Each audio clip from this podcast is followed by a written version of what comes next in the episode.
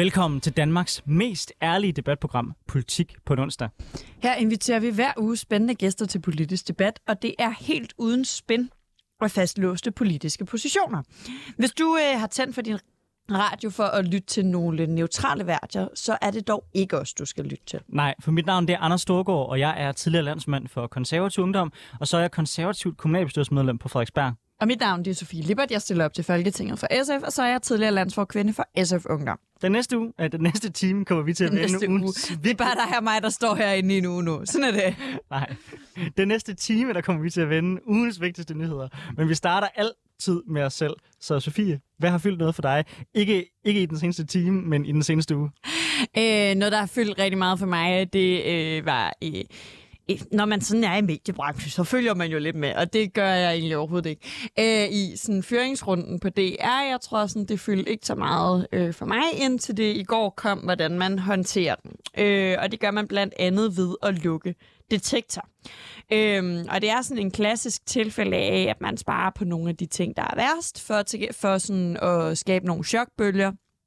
Øh, eller nogle af de ting, som folk vil savne mest for at skabe nogle chokbølger, der gør, at der kommer et politisk modtræk. Det jeg gør det ret tit. De har gjort det ret hæftigt med P6 og P8, øh, som også har sådan skabt øh, sådan store, øh, høj, stor kritik, at man vil lukke dem, og så hver gang så bliver de ligesom reddet. Øh, og nu gør man det så med detektor. Og jeg forstår, at det her det er en strategi, som giver mening for, for øh, sådan, det er at lave.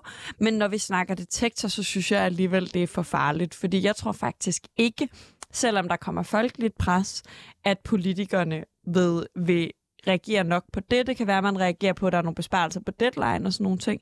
Men Detektor har jo faktisk øh, et program, som jeg frygter, at der ikke vil, vil komme nok reaktion på, og som er enormt øh, vigtigt for øh, for den offentlige debat, fordi det faktisk er et program, der lykkes rigtig godt med at dykke ned i i nogle af de problemer, der er. Og det er siger selv, at, at folk godt ved, der er fake news, men det betyder ikke nødvendigvis, at folk ved, hvornår noget er fake news. Øhm, og hvornår noget er, er underbygget påstande.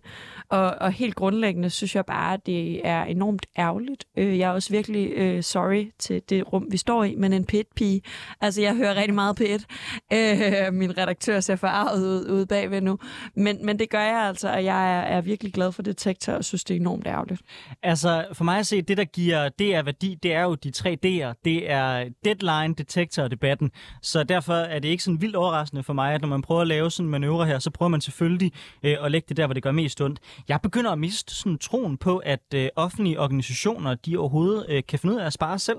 Altså, jeg oplever det også i Frederiksberg Kommune. Vi skal ind og spare nu. Hvad er det, forvaltningen peger på? Det er sådan noget julelys til 200.000 og skøjtebanen. Altså, det er alle de der ting, som folk virkelig synes er vigtige, og som i virkeligheden indbringer ret få penge, men som man alligevel peger på, fordi man gerne øh, vil sikre en eller anden modstand mod en sparerunde. DSB er jo, var jo de gamle mestre i det her spørgsmål, hvor man øh, fjernede de der servicevogne, og det var så fair nok, men fordi at folk jo skal mærke, at der har været en besparelse, så nægtede man jo så i et helt år at opfylde de der øh, maskiner, hvor man kan hente vand, så alle folk de var ved at dø af tørst, hver gang de kørte med DSB.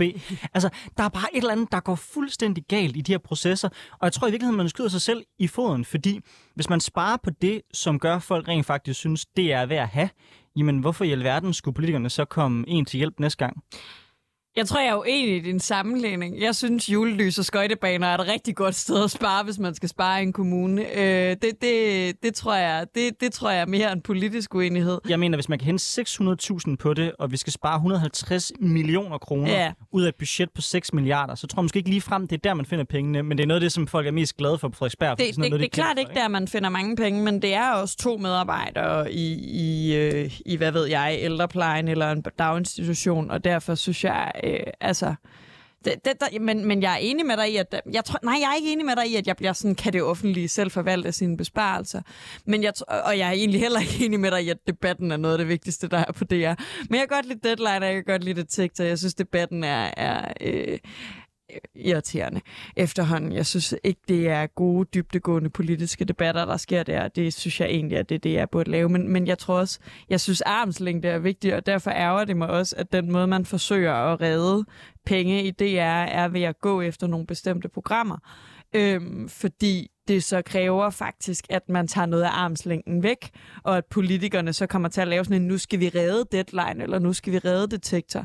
Og sådan skal det jo ikke være. Politikernes forhold til, hvor mange penge DR øh, har, skal jo være mere eller mindre uafhængig, altså ikke uafhængig af sådan den samlede DR-pakke, men uafhængig af de enkelte programmer. Inden vi får besøg af de to gæster, der sidder klar ude i sofaerne til os, så skal jeg også lige høre, hvad du har lagt mærke til, Anders. Ja, altså i dag kommer til rigtig meget at stå i statsministerdebattens tegn, fordi det er nok det, der har fyldt meget for mig politisk i den uge, der er gået. Men jeg tror, at det, der gjorde mest indtryk på mig i den debat, der var øh, mellem Mette Frederiksen, Jakob Ellemann og Søren Pape på ja, DR, som vi jo også lige har, har talt om, øh, det var egentlig de gentagende løgne, der kom fra statsministeren. Jeg er så træt af, at sådan nogle ting bare bliver accepteret i på politik. Vi kan tage den mest åbenlyse. Hun, hun bliver spurgt direkte øh, om øh, Arne-pensionen. Den handler om folk, der er blevet nedslidte. Hun svarer, øh, det gør den, øh, og påstår ganske klart, at det er et nedslidningskriterie i Arne-pensionen, selvom det faktuelt set er forkert. Derudover var der jo hele den fadese, der bagefter fyldte ret meget i medierne, nemlig de 40.000, hvor man har fået et svar fra Finansministeriet på noget helt andet, man så prøver at hive ind, og man har forberedt en hel kampagne, hvor alle øh, S-partisoldater stod klar til at gå ud på sociale medier bagefter.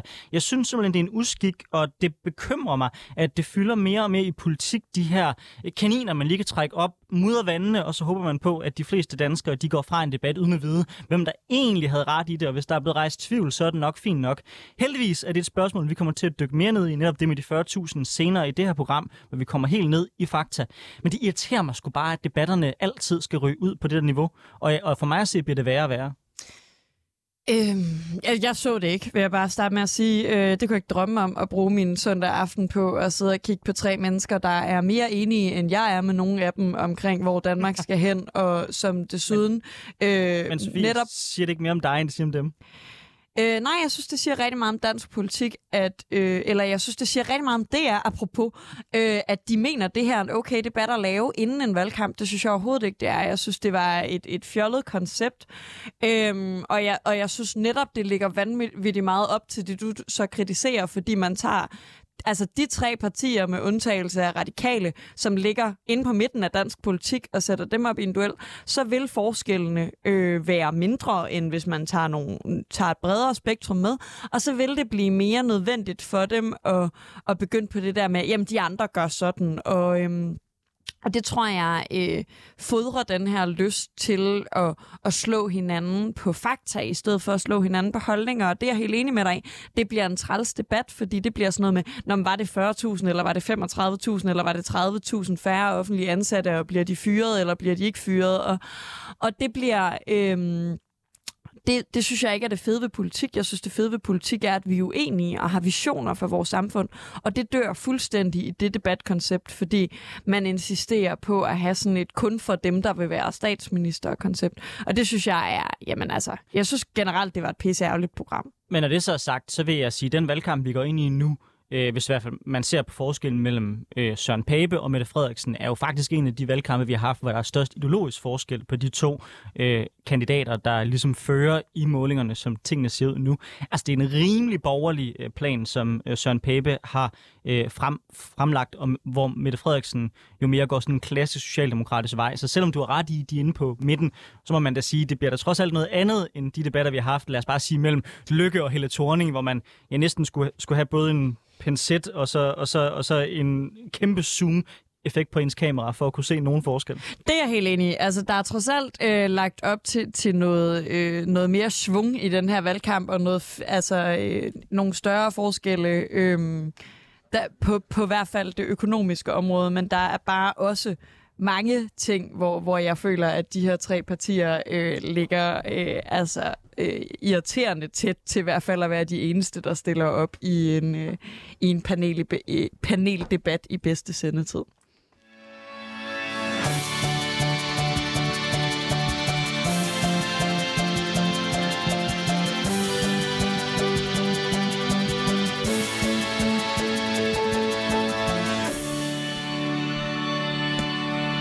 Du lytter til Politik på en onsdag, og normalt vil jeg på det her tidspunkt sige, at du kan skrive ind i chatten, men chatten er væk.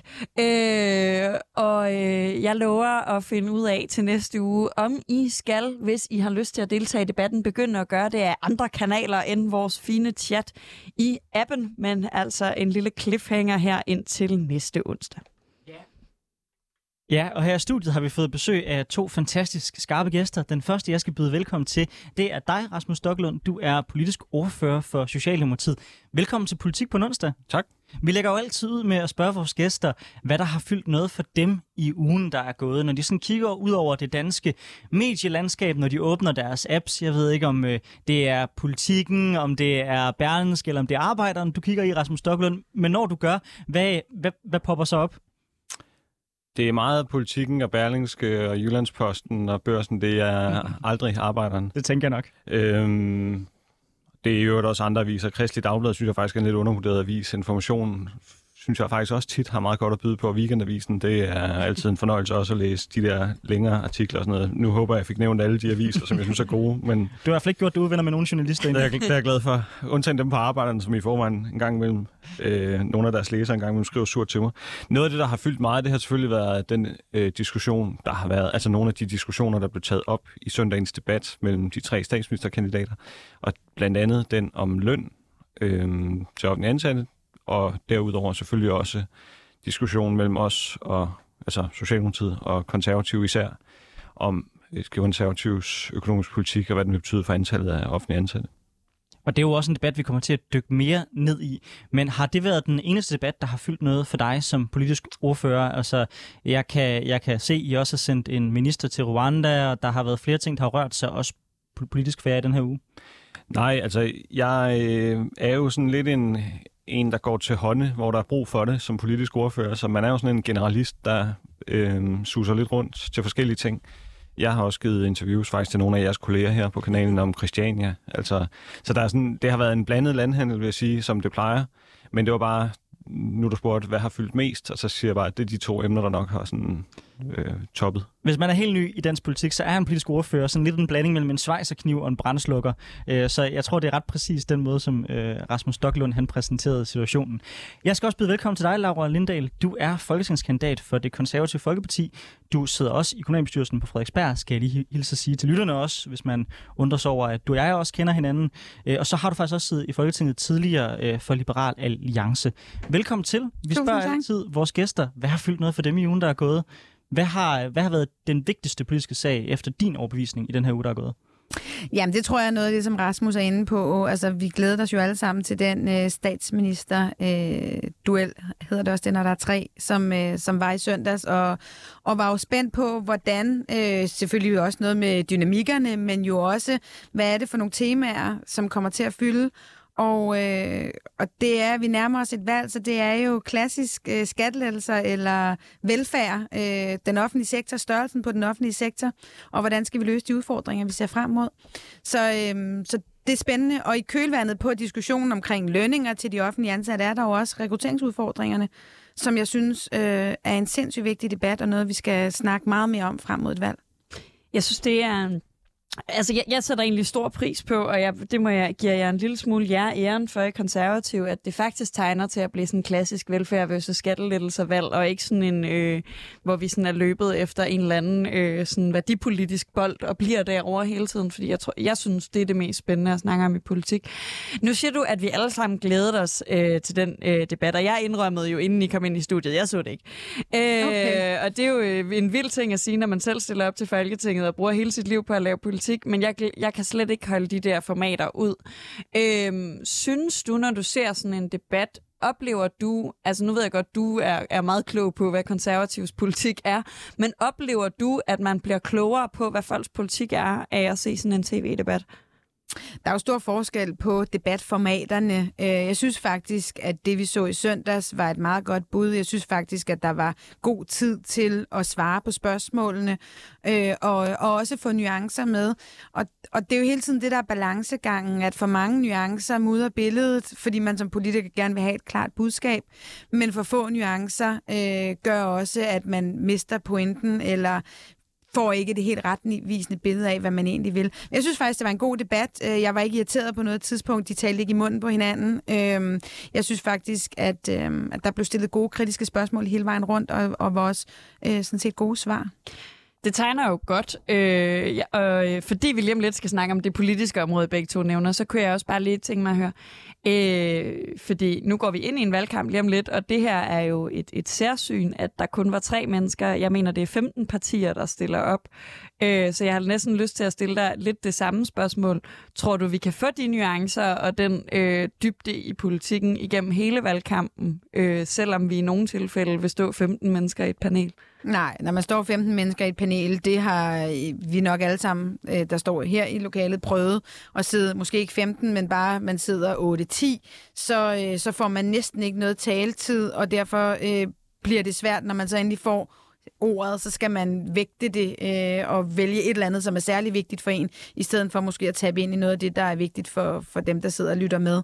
Så, øh, så det, øh, det bliver spændende, hvordan øh, tv-stationerne vil håndtere det. Rasmus, der vil jeg faktisk også gerne høre dit syn på. Øh, mener du, man bliver klogere af de øh, tv-debatter og de formater, vi har i dag, eller er det i virkeligheden ved at blive sådan lidt et, et, et, et outdated format i forhold til den politiske virkelighed, vi lever i, hvor der er øh, 15 partiledere, der måske kommer til at stå på en sådan scene?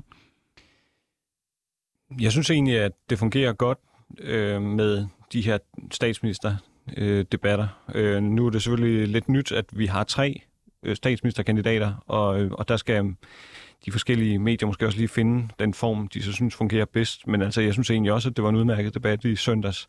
Jeg synes, det er sværere når at det skal være de der store partilederdebatter, der sikkert også vil komme, hvor de alle 15 skal være med. Altså, som Laura sagde, så har vi jo også her i lokalet, vi har alle sammen prøvet at være ude på et gymnasium til en valgdebat, og så sidder der 10 mennesker i panelet, og så starter det fra den ene ende, så skal man på et minut sige alt, hvad man mener om uddannelsespolitik, og så går der 20 minutter, og så er det noget ned den anden ende, og så starter der et nyt tema. Altså det er ligesom om al dynamik og liv og kraft er taget ud af sådan en debat, og alle gymnasierne, de sidder og kigger på deres telefoner og vil egentlig gerne væk fra det der, ikke? Og øh, Altså, det er i hvert fald ikke et særligt hensigtsmæssigt format, og det er jo, omvendt så er det jo også forbundet med et dilemma, fordi man kan også sige, hvis nu gymnasiet så valgte kun at invitere, for eksempel, nu er det lige konservativ og Socialdemokratiet, der er her, ikke? Altså, så vil der jo også være andre partier, der med god ret kunne sige, hvorfor skal vi ikke have mulighed for at komme til ord? Altså, så det er jo fyldt med dilemmaer, det her, ikke? Ja, og, og, og det, inden vi går i gang lige om lidt, så øh, øh, altså, og det er jo ikke, fordi jeg forventer, at I har en løsning. Men det er jo en, en ekstra... Altså, der har aldrig, mig bekendt aldrig før været 15 partier, der... Jeg sidder inde på Wikipedia og talt. Der har aldrig før været 15 partier, der stillede op til det samme valg. Øh, og min oplevelse er, at mange laver sådan en, en, en sådan skil, altså siger, vi kan ikke være 15, så nu er vi dem, der sidder i Folketinget nu, eller dem, der har eksisteret længe, eller jeg får, altså Laura, du har jo været med i et parti, der engang var nyt. Øh, altså, du har tidligere været Liberal Alliance, og der har været en periode, hvor Liberal Alliance måske var dem, man sparede væk, hvis man ikke havde plads til alle. Er det ikke, øh, altså, kan vi, kan vi på nogen måde skære ned, eller er det 3 eller 15, der er de options, vi bliver nødt til at leve med i det her, den her valgkamp, fra dit synspunkt, Laura? Jamen, der må man jo prøve at tænke nyt ude på gymnasierne. Det kan være, at man i stedet for at have øh, en dag, hvor der er debat, at så må man lægge det på tre dage, så, øh, så alle kan komme, og at man så bruger lidt mere tid på det. Og det kan jo så være, at man skal tænke det ind i undervisningen i samfundsfag, og på den måde kan få lidt mere dybde i det, end man vil kunne på sådan en øh, to timer fra 10 til 12 med alle 15. Så jeg tror egentlig bare, at den situation, vi står i nu, gør, at man er nødt til at, at tænke nyt øh, i de her paneldebatformater ude på uddannelsesinstitutionerne. Er du enig i det, Rasmus? Ja, altså... Øh, jeg må indrømme, jeg har egentlig ikke tænkt så meget om det før, men jeg synes, det er et meget godt spørgsmål, I stiller. Jeg synes umiddelbart, at Lauras model lyder meget fornuftig, altså, fordi det er jo en udfordring, og øh, det kommer til at give nogle mærkelige debatter, hvis der sidder 15 mennesker i et panel for et gymnasium. Det var nogle, ofte nogle dårlige debatter, bare ved sidste valgkamp, hvor vi var 8-10 stykker i de der panel, så måske kunne man tænke nyt. Det kunne også være, at man skulle lave en dag, hvor man havde en paneldebat, hvor man inviterede fire partier, og så kunne det være, at man kunne invitere nogle af de andre partier til at komme i en eller anden tema-team, hvor man bare havde en enkelt politiker på besøg. Og så er det også nogle lidt forskellige seancer, man får, og det er også nogle forskellige ting, man kunne gå i dybden med måske. Og øh, det tror jeg måske også kunne være en sjovere måde at gøre det på for eleverne, i stedet for at de bare sådan får opremset et minut ad gangen. Så mener vi i øvrigt sådan og sådan og sådan og stemme på os.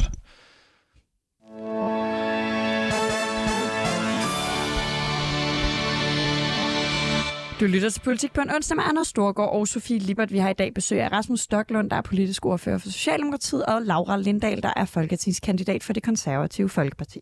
De radikale har krævet, at der udskrives valg, før Folketinget åbner til oktober. På Christiansborg er det derfor allerede begyndt at sprede sig valgkampstemning, og meget tyder på, at økonomi, skattelettelser, den offentlige sektors størrelse og inflation bliver nogle af valgets helt store spørgsmål. I søndags tørnede Jakob Ellemann Jensen, Mette Frederiksen og Søren Pape Poulsen derfor sammen i en duel, eller rettere sagt en triel, om hvem der skal lede landet. Siden har særligt et spørgsmål fyldt. Hvor mange offentligt ansatte har Danmark i 2030, hvis konservativs eller Socialdemokratiets plan for økonomen økonomien bliver gennemført. Det konservative Folkeparti går til valg på en vækst på 0,1 procent plus inflation, mens Socialdemokratiet ønsker, at udviklingen skal følge det såkaldte demografiske træk, der kort sagt vil betyde, at pengene følger med, når der fx bliver flere ældre.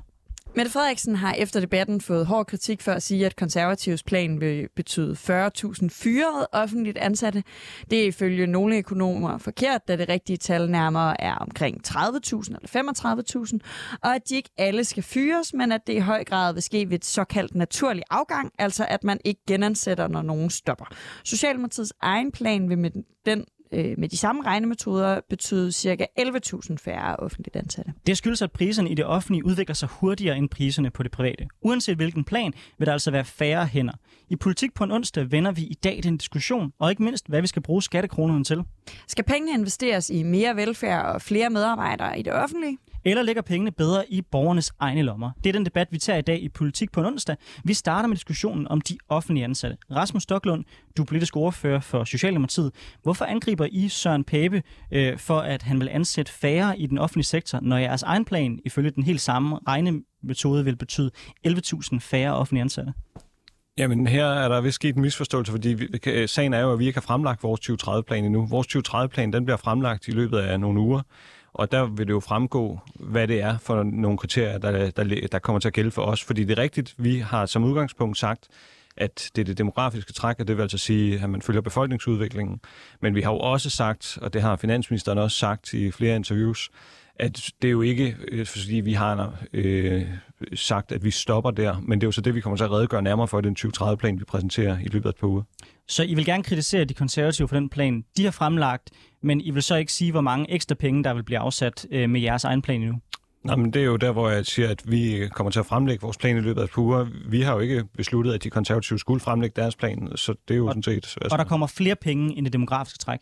Der kommer, ja, altså det, det er ikke sådan, at man kan sige, at vi kommer til at fremlægge en plan, hvor der så skal fyres 11.000 offentlige ansatte.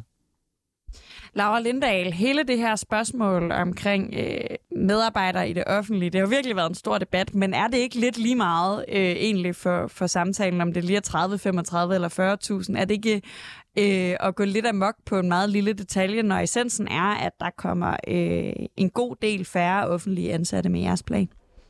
Men i hvert fald er jeg ærgerlig over, at det er øh, en diskussion omkring antallet af offentlige ansatte, og at man også straks sporer sig ind på, når, hvem er det så, der skal fyres? Er det sygeplejerskerne eller sosuerne? Fordi det fjerner jo fokus for det, der er det vigtige at tale om, eller det vi i hvert fald synes er vigtigt. Og det er jo et eller andet større perspektiv. Hvad er det for et samfund, vi gerne vil have? Hvad er det, vi tror på kan ske i en udvikling frem mod 2030? Og det vi siger i det konservative Folkeparti, det er jo, at vi synes, at vi skal gøre ting bedre. Vi synes, vi skal effektivisere den offentlige sektor. Det betyder ikke, at der skal fyre sosuer eller... Øhm, øh, pædagoger. Vi har jo faktisk i planen lavet det her øh, omprioriteringsbidrag, kan man jo nærmest kalde det, som tidligere regeringer har haft, hvor man i hvert fald øh, disponerer pengene på en anden måde, så man beder om, at der skal holdes tilbage for så at øh, sende pengene derhen, hvor vi mener, de politiske skal sendes hen. Men når man kommer med øh, en påstand om, at der skal fyres øh, 40.000, så starter det en helt anden debat. Så starter det jo en frygt ude blandt de offentlige ansatte. Er det os? Det starter en frygt ude i blandt patienter og pårørende? Er det vores øh, forældre på plejehjem, som nu ikke skal have deres sosu?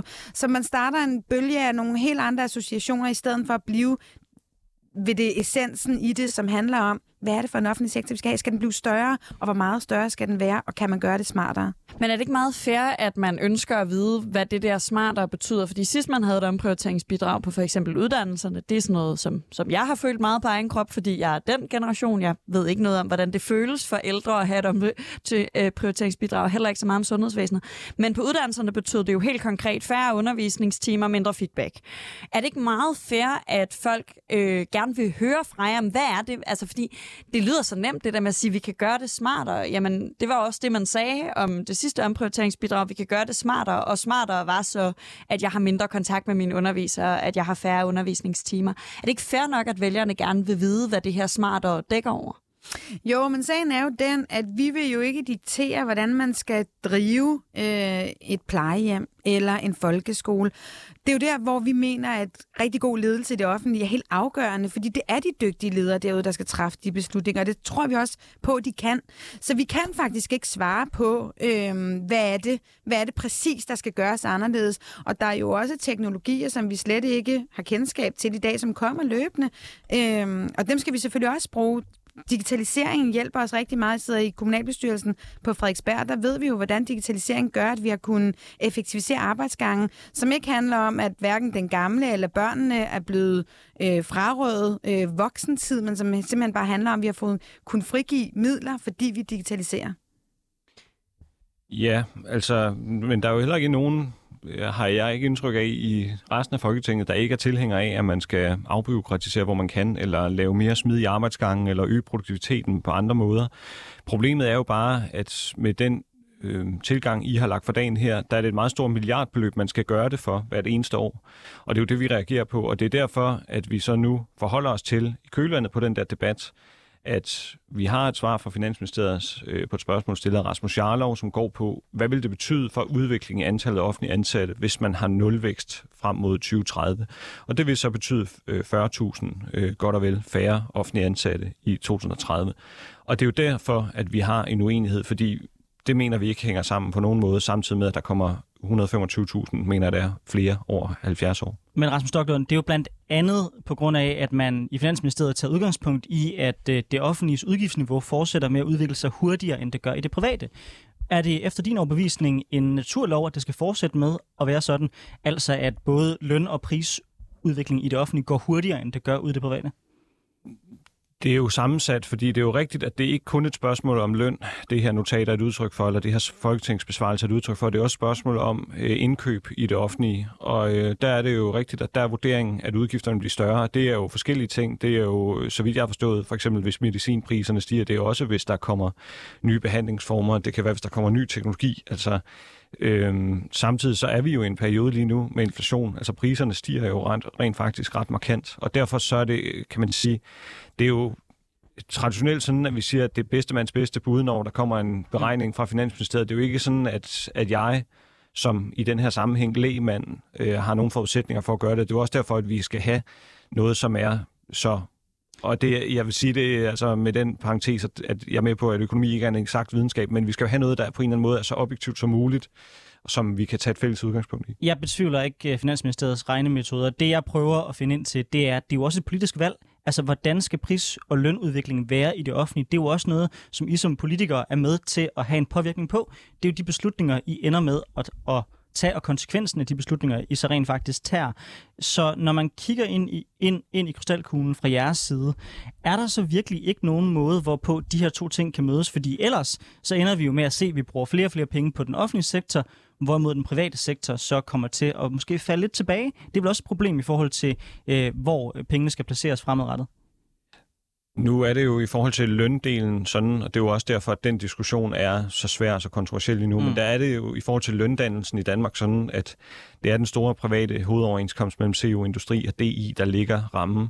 Og så er der en reguleringsmekanisme, som de offentlige lønninger reguleres efter, og der er jo ikke nogen, der udfordrer den model. Altså, øh, så på den måde, så kan man jo sige, der vil du jo sikre, at det ikke stikker af fra hinanden, fordi reguleringsmekanismen sikrer, at man hele tiden indhenter hinanden. Og det er jo det, er jo det der er det afgørende i den her sammenhæng. Og derudover, så er den store og afgørende øh, diskussion her jo om, man tror, at man kan effektivisere og hente så mange produktivitetsforbedringer i det offentlige, at man i en tid, hvor der kommer 100 øh, jeg mener, det er 125.000 øh, flere over 70 år frem mod 2030, at man så samtidig kan undvære 40.000 ansatte i den offentlige sektor. Og det er så der, det vurderer vi simpelthen vidt forskelligt for sit livet.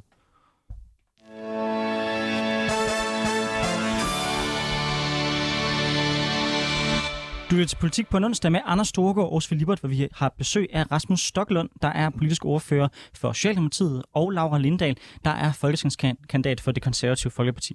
Et spørgsmål, der altid har fyldt i dansk politik, er afvejningen mellem skat og velfærd. Meget tyder på, at det igen vil blive et fokus i den kommende valgkamp. De konservative har lagt en 2030-plan frem, der vil betyde massiv skattelettelser finansieret af et lavere offentligt forbrug. Det konservative Folkeparti vil blandt andet sænke elafgiften, fjerne topskatten, halvere registreringsafgiften for elbiler, afskaffe arveafgiften og sikre lavere boligskatter. Pengene findes ved at udfase efterlønnen, fjerne Arne-pensionen og blandt andet ved at skære i DR og jobcentrene samt begrænse den voksende offentlige sektor. Laura Lindahl, hvorfor har Danmark brug for skattelettelser, hvis det koster velfærd i en tid, hvor vi får flere ældre, børn og ressourcekrævende borgere? Jeg har jo altid synes, den der øh, diskussion, om man skal vælge mellem skattelettelser eller velfærd, altså det er hinandens forudsætninger, fordi skattelettelser ved vi, at det stimulerer vores vækst i vores samfund. Og det er nu engang sådan, at den vækst, vi har i samfundet, det er den, der er grundlaget for vores velfærdssamfund. Det er den, der skaber økonomien. Det er vores private erhvervsliv, vi tjener pengene, så vi har råd til at gå, øh, blive syge og tage på sygehuset og have frie og lige folkeskoler for alle. Så, så vi er nødt til at sikre vækst i vores samfund, og der er skattelettelser en kæmpe driver. Det så vi jo også, at selv Helle Thorning måtte indse, da hun havde magten, at det er, det er simpelthen øh, en af de, et af de greb, som er mest effektive. Og så handler det jo selvfølgelig også for mig som konservativ og borgerlig om øh, sådan en værdipolitisk tilgang til, at jeg synes, at vi skal have lov til at beholde flere af vores egne penge. Jeg synes, vi betaler for meget skat i Danmark. Men samtidig, nu siger du sådan, at, at det, væksten er driveren for, at vi har råd til ting. I taler samtidig om nulvækst i det offentlige. Altså, er der ikke, øh, er man ikke når du formulerer det på den her måde, så får du det jo næsten til at lyde, som om jeg kan få det hele. Er det ikke også nødvendigt i op til en valgkamp at være ærlig omkring, at det vil koste på velfærden? Altså, nu kalder vi det omprioriteringsbidrag og effektiviseringer, hvad vi kalder det. De andre gange, vi har prøvet det, der har det betydet noget for mennesker. Bliver man ikke nødt til at være ærlig om, at det her er også en prioritering fra jeres side? Det her det er også jer, der siger, at velfærdssamfundet gør noget i dag, som vi ikke synes, det skal blive ved med at gøre. Altså, nu har jeg jo siddet i kommunalbestyrelsen i snart ni år øh, på Frederiksberg, som har været en af landets mest effektivt drevne kommuner. Og det er jo et svimlende øh, milliardbeløb, Danmark kunne spare, hvis de blev drevet lige så effektivt på administration som Frederiksberg Kommune. Og det er jo derfor, vi siger, vi kan sagtens have, Frederiksberg har været lavest på skatteprocent og har været tårnhøj på den oplevelse, borgerne har haft af den service, de er blevet mødt med. Så jeg har jo øh, været i en kommune, taget ansvar for en kommune i mange år, som som faktisk har vist, at man kan sagtens drives effektivt. Jeg spurgte for nylig på Frederiksberg, hvad har udviklingen været i vores øh, ledige over de sidste par år, og i vores ansatte i jobcentrene? Og, og tilfældigvis så er det jo sådan, som det bare ofte er i den offentlige sektor, der er kommet flere og flere ansatte i jobcentrene, på trods af, at ledigheden er rekordlav lige nu. Og det er sådan noget, der sker i den offentlige sektor, fordi den ikke bliver udsat for konkurrence, fordi der ikke er de dynamikker, som der er på det frie marked. Og det mener jeg helt klart også er en driver frem mod 2030, at vi skal blive bedre til at få køre længere på literen, bruge vores penge bedre, gennem også øget konkurrenceudsættelse. Rasmus Stocklund, anerkender øh, du og Socialdemokratiet, at der er steder, hvor man kan spare, uden borgerne vil kunne mærke det? Altså nu nævner Laura øh, jobcenterne, hun nævner, hvor effektive kommunerne er drevet. Er der steder, hvor også Socialdemokratiet synes, at der er behov for at skære i øh, de penge, vi bruger i dag?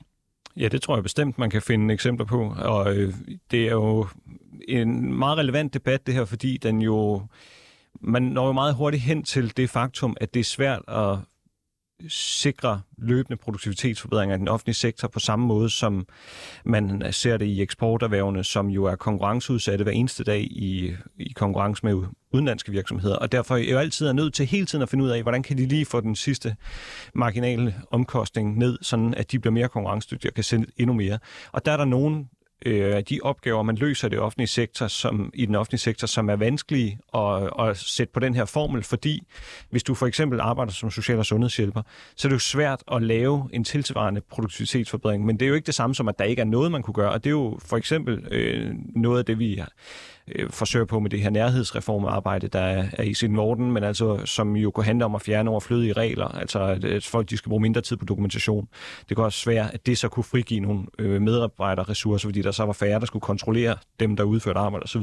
Men Rasmus, det her med, at det offentlige ikke er udsat for konkurrence, er det ikke netop et argument for, at det er vigtigt, at politikere hele tiden sørger for at presse den offentlige sektor?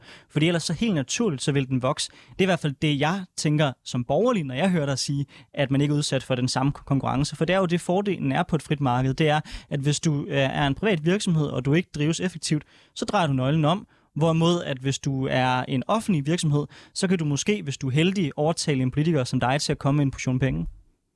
Det er helt klart et af dilemmaerne, det er, at der skal jo være en eller anden form for pres, fordi det er ellers mange skattekroner, der kan blive brugt uhensigtsmæssigt, fordi der ikke er en bundlinje, der udfordres af, af nabolandenes virksomheder på samme måde, som der er i den private sektor. Altså, så det er jo et, et af dilemmaerne, vi står overfor her. Og øhm, så er spørgsmålet jo så, hvordan man skal gøre det. Om, om man må også sige, at vi jo omvendt også hele tiden på tværs af partier enige om, når der nu kommer forfærdelige enkeltsager frem i medierne, hvor at der er en plejehjemsbeboer, der er blevet dårligt behandlet, eller hvad ved jeg, øhm, at der skal være mulighed for at yde den omsorg og så videre, som vi alle sammen ønsker, der skal være til dem, vi er pårørende til. Og, og hvordan sætter man det på formel? Hvordan øh, konkurrenceudsætter man det? Hvordan sikrer man det der pres? Det synes jeg bare er en meget svær øvelse, og derfor så tror jeg, at noget af det, der er godt at gøre, det er at se, om man ikke kan øh, gøre op med nogle af de regler, man har fået indført, og så omvendt også indføre en eller anden form for hvad skal man sige, disciplin blandt os på Christiansborg, så vi næste gang, der kommer en enkelt sag, ikke bare genindfører en regel. Laura? Men det er jo det, der er så smukt, at man kan sagtens sætte det på formel, at man øh, konkurrenceudsætter. Det er det, vi kalder det frie valg. Fordi det frie valg ude i kommunerne, hvad end det er på daginstitutioner, folkeskoler, plejehjem, så er det jo lige præcis der, hvor at man indirekte bliver udsat for konkurrence. Eller i virkeligheden meget direkte, fordi borgerne viser, hvad er det, vi gerne vil have, hvad er det for nogle tilbud, vi oplever som værdiskabende for os og som det rigtige. Og på den måde bliver man udsat for konkurrence. Så jeg mener jo, det frie valg er helt essentielt i at få en offentlig sektor til at blive drevet mere effektivt. Og for mig handler det ikke om, hvorvidt noget er kommunalt eller privat. På Frederiksberg har vi faktisk rigtig mange øh, kommunale daginstitutioner, rigtig mange private og rigtig mange selvejende. De arbejder virkelig godt sammen og lærer hinanden. Og jeg tror ikke, forældrene tænker over, om de vælger en privat, en selvejen eller en offentlig daginstitution. De vælger det, som de synes er rigtigt for dem. Så det er ikke sådan en privatiseringsdagsorden for mig, men det, det frie valg gør, det er, at det skaber en konkurrence. Det skaber en transparens for os politikere omkring, hvad er det for nogle tilbud, der fungerer godt, hvorfor gør de det, og det kan de andre så lære af. Men det, at vi får frit valg, gør det vel ikke billigere? Altså, fordi vi, vi skal også huske, at når vi er i det private, jamen, så er der en eller anden pointe i at, at øh, få sine omkostninger så langt ned, fordi så får man et overskud, og det er nice, det kan ens aktionærer godt lide, og man kan bruge det til at investere i nye ting. Det kan børnehaven nede på øh, Jo, men det kan de jo godt, vejen, fordi jo du kan som forældre og som børn opleve, at hvis du driver din daginstitution effektivt på administration, så er der flere penge til det pædagogiske personale, til de pædagogiske aktiviteter. Så på den måde, så mærker du jo fuldstændig en til en, hvor effektiv din administration i daginstitutionen er. For det oplever du på kvaliteten. Rasmus Stokkelund, skal vi have mere frit valg?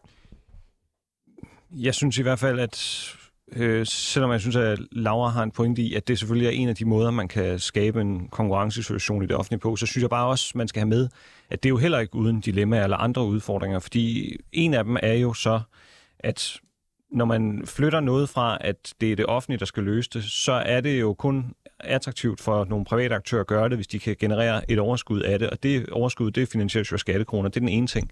Den anden ting er, at man ser desværre også en gang imellem, når man skal lave de her øh, udbud, at, at så medfører det også en rigiditet, eller altså en, nogle, hvad skal man sige, nogle mere rigide løsninger, fordi ting så skal kunne sættes i skemaer, så man kan sammenligne dem med hinanden. Og det kan så betyde, et af de eksempler, jeg selv har kendt i mange år, fordi min far arbejdede som pedel på en folkeskole, var, at han var frustreret over nogle gange, han er gået på pension for længe siden nu, så øh, der er sket meget imellem, så det er ikke for at hænge nogen ud, og så videre, så videre. Men øh, nogle gange, når der så kom nogen og skulle passe det grønne område omkring skolen, som havde vundet den opgave, så kunne man ikke sige, at jamen, faktisk så trænger hækken ikke til at blive klippet nu, fordi det var det, der stod ud, de skulle gøre, så de kunne ikke hjælpe med noget andet, som der egentlig var mere behov for. Og den her lidt mere rigide arbejdsform, den er jo så også en konsekvens af det. Jo, jo, men der er ikke nogen tvivl om, at den måde, vi laver udbud på, og hvad det offentlige skal svare på i forhold til det private, der kunne man, altså der, der kunne man helt klart godt kigge på, kunne man finde nogle modeller, der var bedre. Jeg synes bare, at netop det frie valg ligesom er en meget, meget nem og simpel mekanisme for at få konkurrence ind i vores velfærd. Og det er fuldstændig rigtigt. Så er der, for at der er nogle private, der går ind på det, så skal der være et afkast. Og der tror jeg også bare, at vi skal være ærlige og sige, der er vi bare sådan grundlæggende uenige omkring, om det er okay. Og det synes jeg også er fair nok at sige. Øh, vi synes, det er okay i de konservative folkeparti, at man som privat leverandør kan tjene penge på velfærd, også selvom det er øh, skatteydernes penge. Det er det jo også, når dem, der anlægger vores veje, det er, det er der i en lang række falk og alle mulige andre øh, situationer i vores samfund, som vi bruger. Det synes vi er okay, og det er fuldstændig fair, at man kan synes, det er det ikke, og det adskiller os så bare. Men når man synes, det er okay, så er det jo klart, at så giver det os også den fordel, at vi kan byde ind med det frie valg og private leverandører, som kan udfordre øh, både på pris, men sådan set også på kvalitet.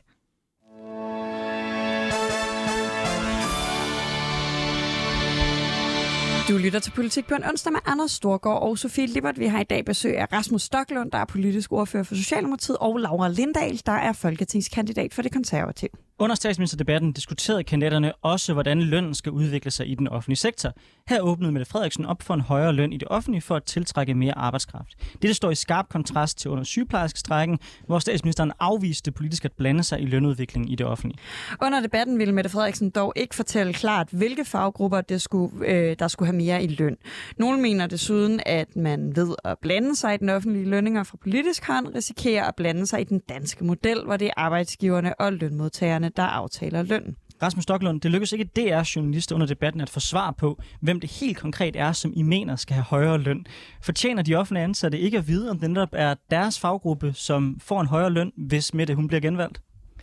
Det vil jeg da utrolig gerne stå her og, og sige en hel masse om, men jeg tror også, at I har en forventning om, at jeg nok heller ikke kommer til at sige så meget mere, end det, der blev sagt i søndags. Altså, der er jo ikke nogen tvivl om, at fordi vi har den danske model og den øh, model, vi har for løndannelse, øh, så er der nogle hegnspæle forbundet med, øh, hvad man kan gøre, når det skal være inden for rammerne. Den, og det var jo også det, statsministeren sagde.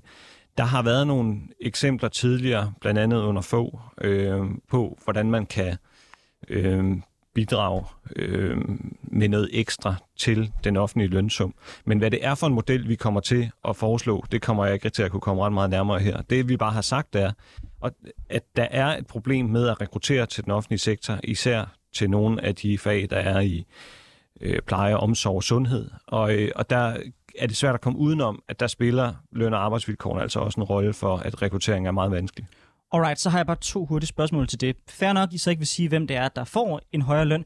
Hvorfor går I så overhovedet ud og siger, at I synes, at folk i den offentlige sektor skal have højere løn, hvis I ikke kan sige præcis hvem? Det er det første spørgsmål. Og det andet er, du nævnte tidligere her i den her debat, at det var afgørende det her med, at lønningerne i det offentlige ikke udvikler sig hurtigere end det private. Mm. Hvis I kommer med en pose penge, så vil det jo naturligvis forrykke den balance. Er du ikke bekymret for det? Øhm, det første spørgsmål først. Øhm, nej, jeg tager det sidste spørgsmål først. Det er, altså, det er klart, en af hegnspælene er jo, at det skal være inden for rammerne af modellen. Øh, og så derfor så er det klart, at vi kan ikke lave en model, hvor at vi, vi skaber en lønudvikling, der er øh, højere for den offentlige sektors ansatte, end den er for den private sektor. Det vil jo underminere Danmarks konkurrenceevne, så det kan vi ikke. Men det vil det den anden, gøre, hvis kagen bliver større. Hvad siger du? Hvis, I bruger, hvis man bruger flere penge, så vil det naturligvis forrykke det, uanset hvilken model du bruger, medmindre du tager pengene fra andre grupper.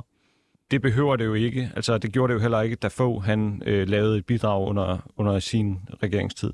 Og det andet spørgsmål, altså grunden til, at vi siger det, det er jo, fordi det er det mest ærlige, når nu vi har den her intention, så at, at sige det nu, i stedet for, øh, hvad skal man sige, at komme med det lige pludselig øh, en uge ind i valgkampen, eller hvad ved jeg. Altså det er jo sådan set, jeg synes egentlig, det er meget reelt, at vi siger det nu, og statsministeren sagde det i debatten i søndags. Man har nedsat en såkaldt lønkomité. Jeg spørger ikke mig, hvorfor det ikke er en kommission, ligesom det plejer at være, men de skal i hvert fald komme med et bud på, hvordan man gør op med de her problemer med uligeløn og øh, problemer med at tiltrække folk til bestemte dele af den offentlige sektor.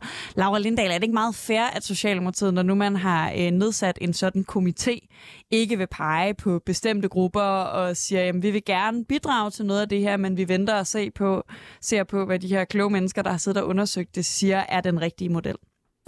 Jo, altså man, kan jo, altså man kan jo ikke lade være med at sidde og tænke, at det her det er sådan en øh, lunds, vi holder op foran alle vores vælgergrupper, og så tror de alle sammen, at det er dem, der får den, og så stemmer de på os af den årsag. Det er jo selvfølgelig det, vi borgerlige sidder og tænker, det er, at det her bare øh, valgflæsk, øh, hvor at man er meget ukonkret og dermed øh, appellerer til rigtig mange.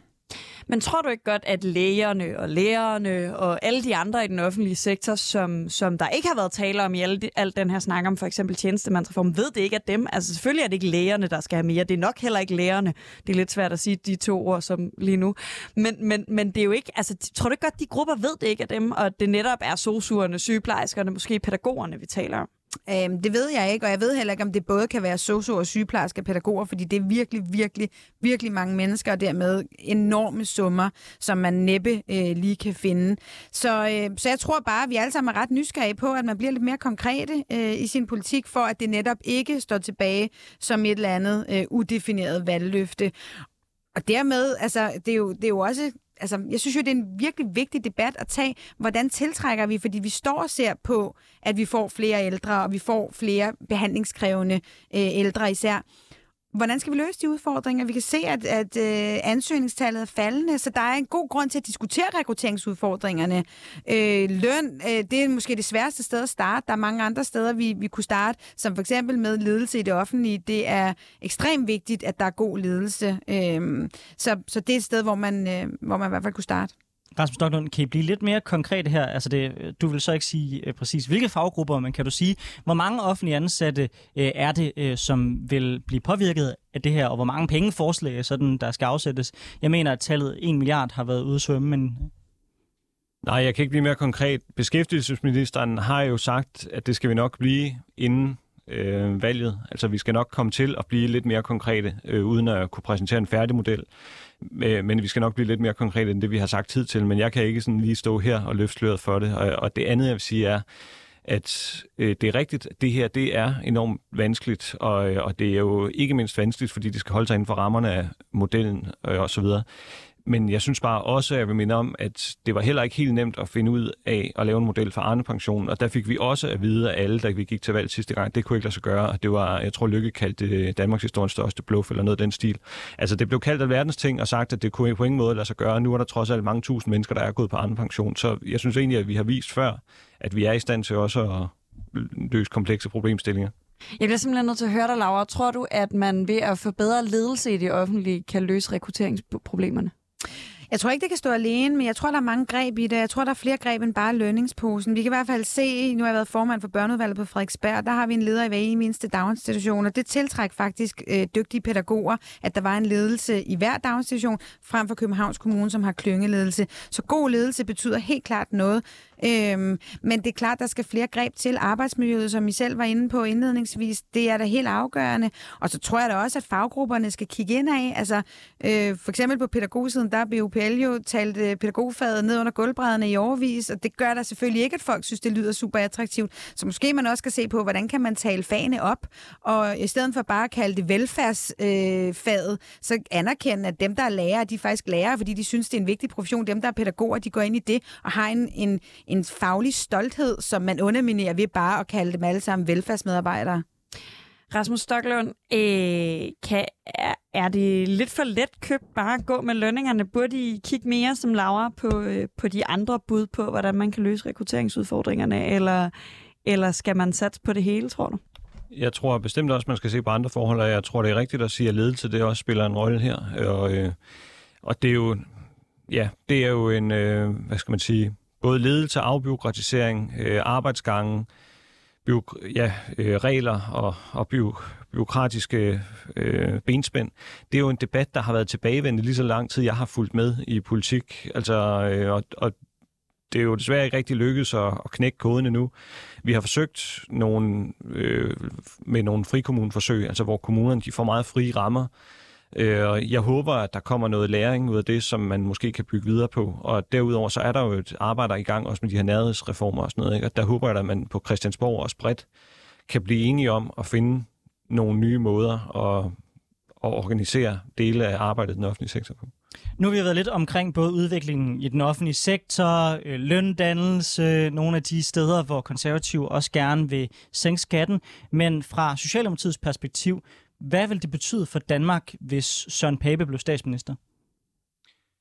Jamen altså, det, det, er jo, det er jo derfor, at vi bliver beskyldt for at føre skræmmekampagne, men det er klart, jeg har sådan set respekt for, at de konservative de går til valg på et program, øh, som er øh, fuldtonet blot. Og når Pape for eksempel har en ambition om at afskaffe andre pension og efterløn og give topskattelettelser og øh, bruge langt færre penge på den offentlige sektor, så der bliver mange færre medarbejdere de kommende år, så kan man sige, så er det jo nærmest en til en det modsatte af det, vi selv vil i Socialdemokratiet. Det er også, og jeg vil også sige, det er jo ikke, fordi vi synes, det er sjovt at indkræve skatter. Øh, altså, hvis, hvis folk de kunne betale mindre i skat, så vil vi hjertens gerne prioritere skattelettelser. Vi vil så nok ikke prioritere topskattelettelser, så vil vi prioritere dem i bunden. Og det er klart, så er det meget dyrt, når man skal give dem i bunden, fordi det kommer alle til gavn, hvis man hæver beskæftigelsesfradrag eller andet. Det har vi så gjort i en af de her aftaler om Danmark kan mere. Der har vi øget beskæftigelsesfradraget. Det træder i kraft fra næste år. Og, øh, og det vil jo være der, vores fokus var. Laura Lindahl, er det her et valg, der kommer til at blive et klokkeklart valg mellem øh, socialdemokratisk rød velfærdspolitik og, og sådan mere, øh, hvad kan man sige, kongeblå øh, borgerlig økonomisk politik med skattelettelser og store reformer af vores erhvervsliv? Øh, stat. Ja, det håber jeg. Altså, fordi faktisk, som du sagde, Sofie, indledningsvis, så synes du, at øh, det er spændende, hvis vi skal diskutere både velfærd og skat.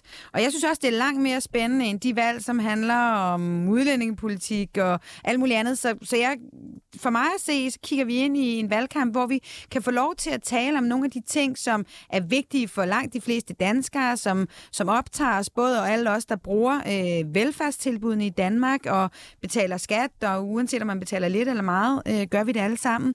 Så jeg synes, det er nogle spændende debatter, fordi det også handler om, det handler jo også om værdipolitik. Det handler om, hvad er det for et samfund, vi ønsker på den lange bane. Og så synes jeg, øh, at det er dejligt også, at Rasmus han, han anerkender, at vi toner rent flag i det konservative Folkeparti. Og jeg tror faktisk, at hvis der var flere, der gjorde det, jamen så kunne vi have nogle, nogle mere savlige debatter, og det kunne faktisk øh, mindske politikerleden, fordi det der med, at man toner rent flag og siger, vi er borgerlige, vi vil det borgerlige i Danmark, jamen det gør faktisk, at man kan forholde sig til, hvad vi er for et parti.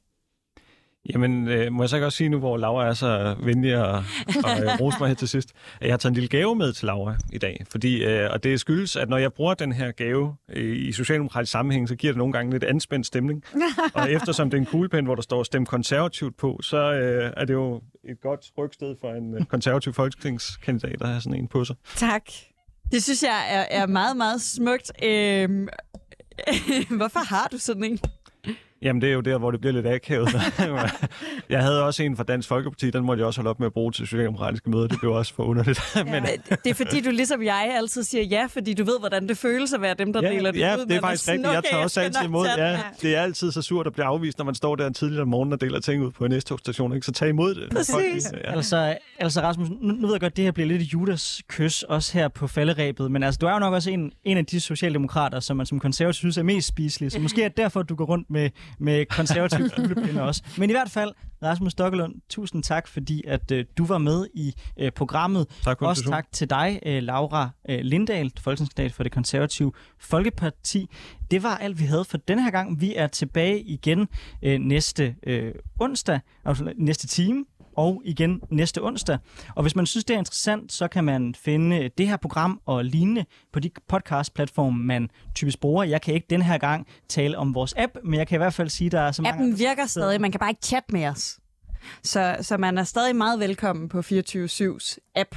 Øh, og ellers er vi på alle podcast-platforme, hvor man altid kan lytte til masser af politisk debat.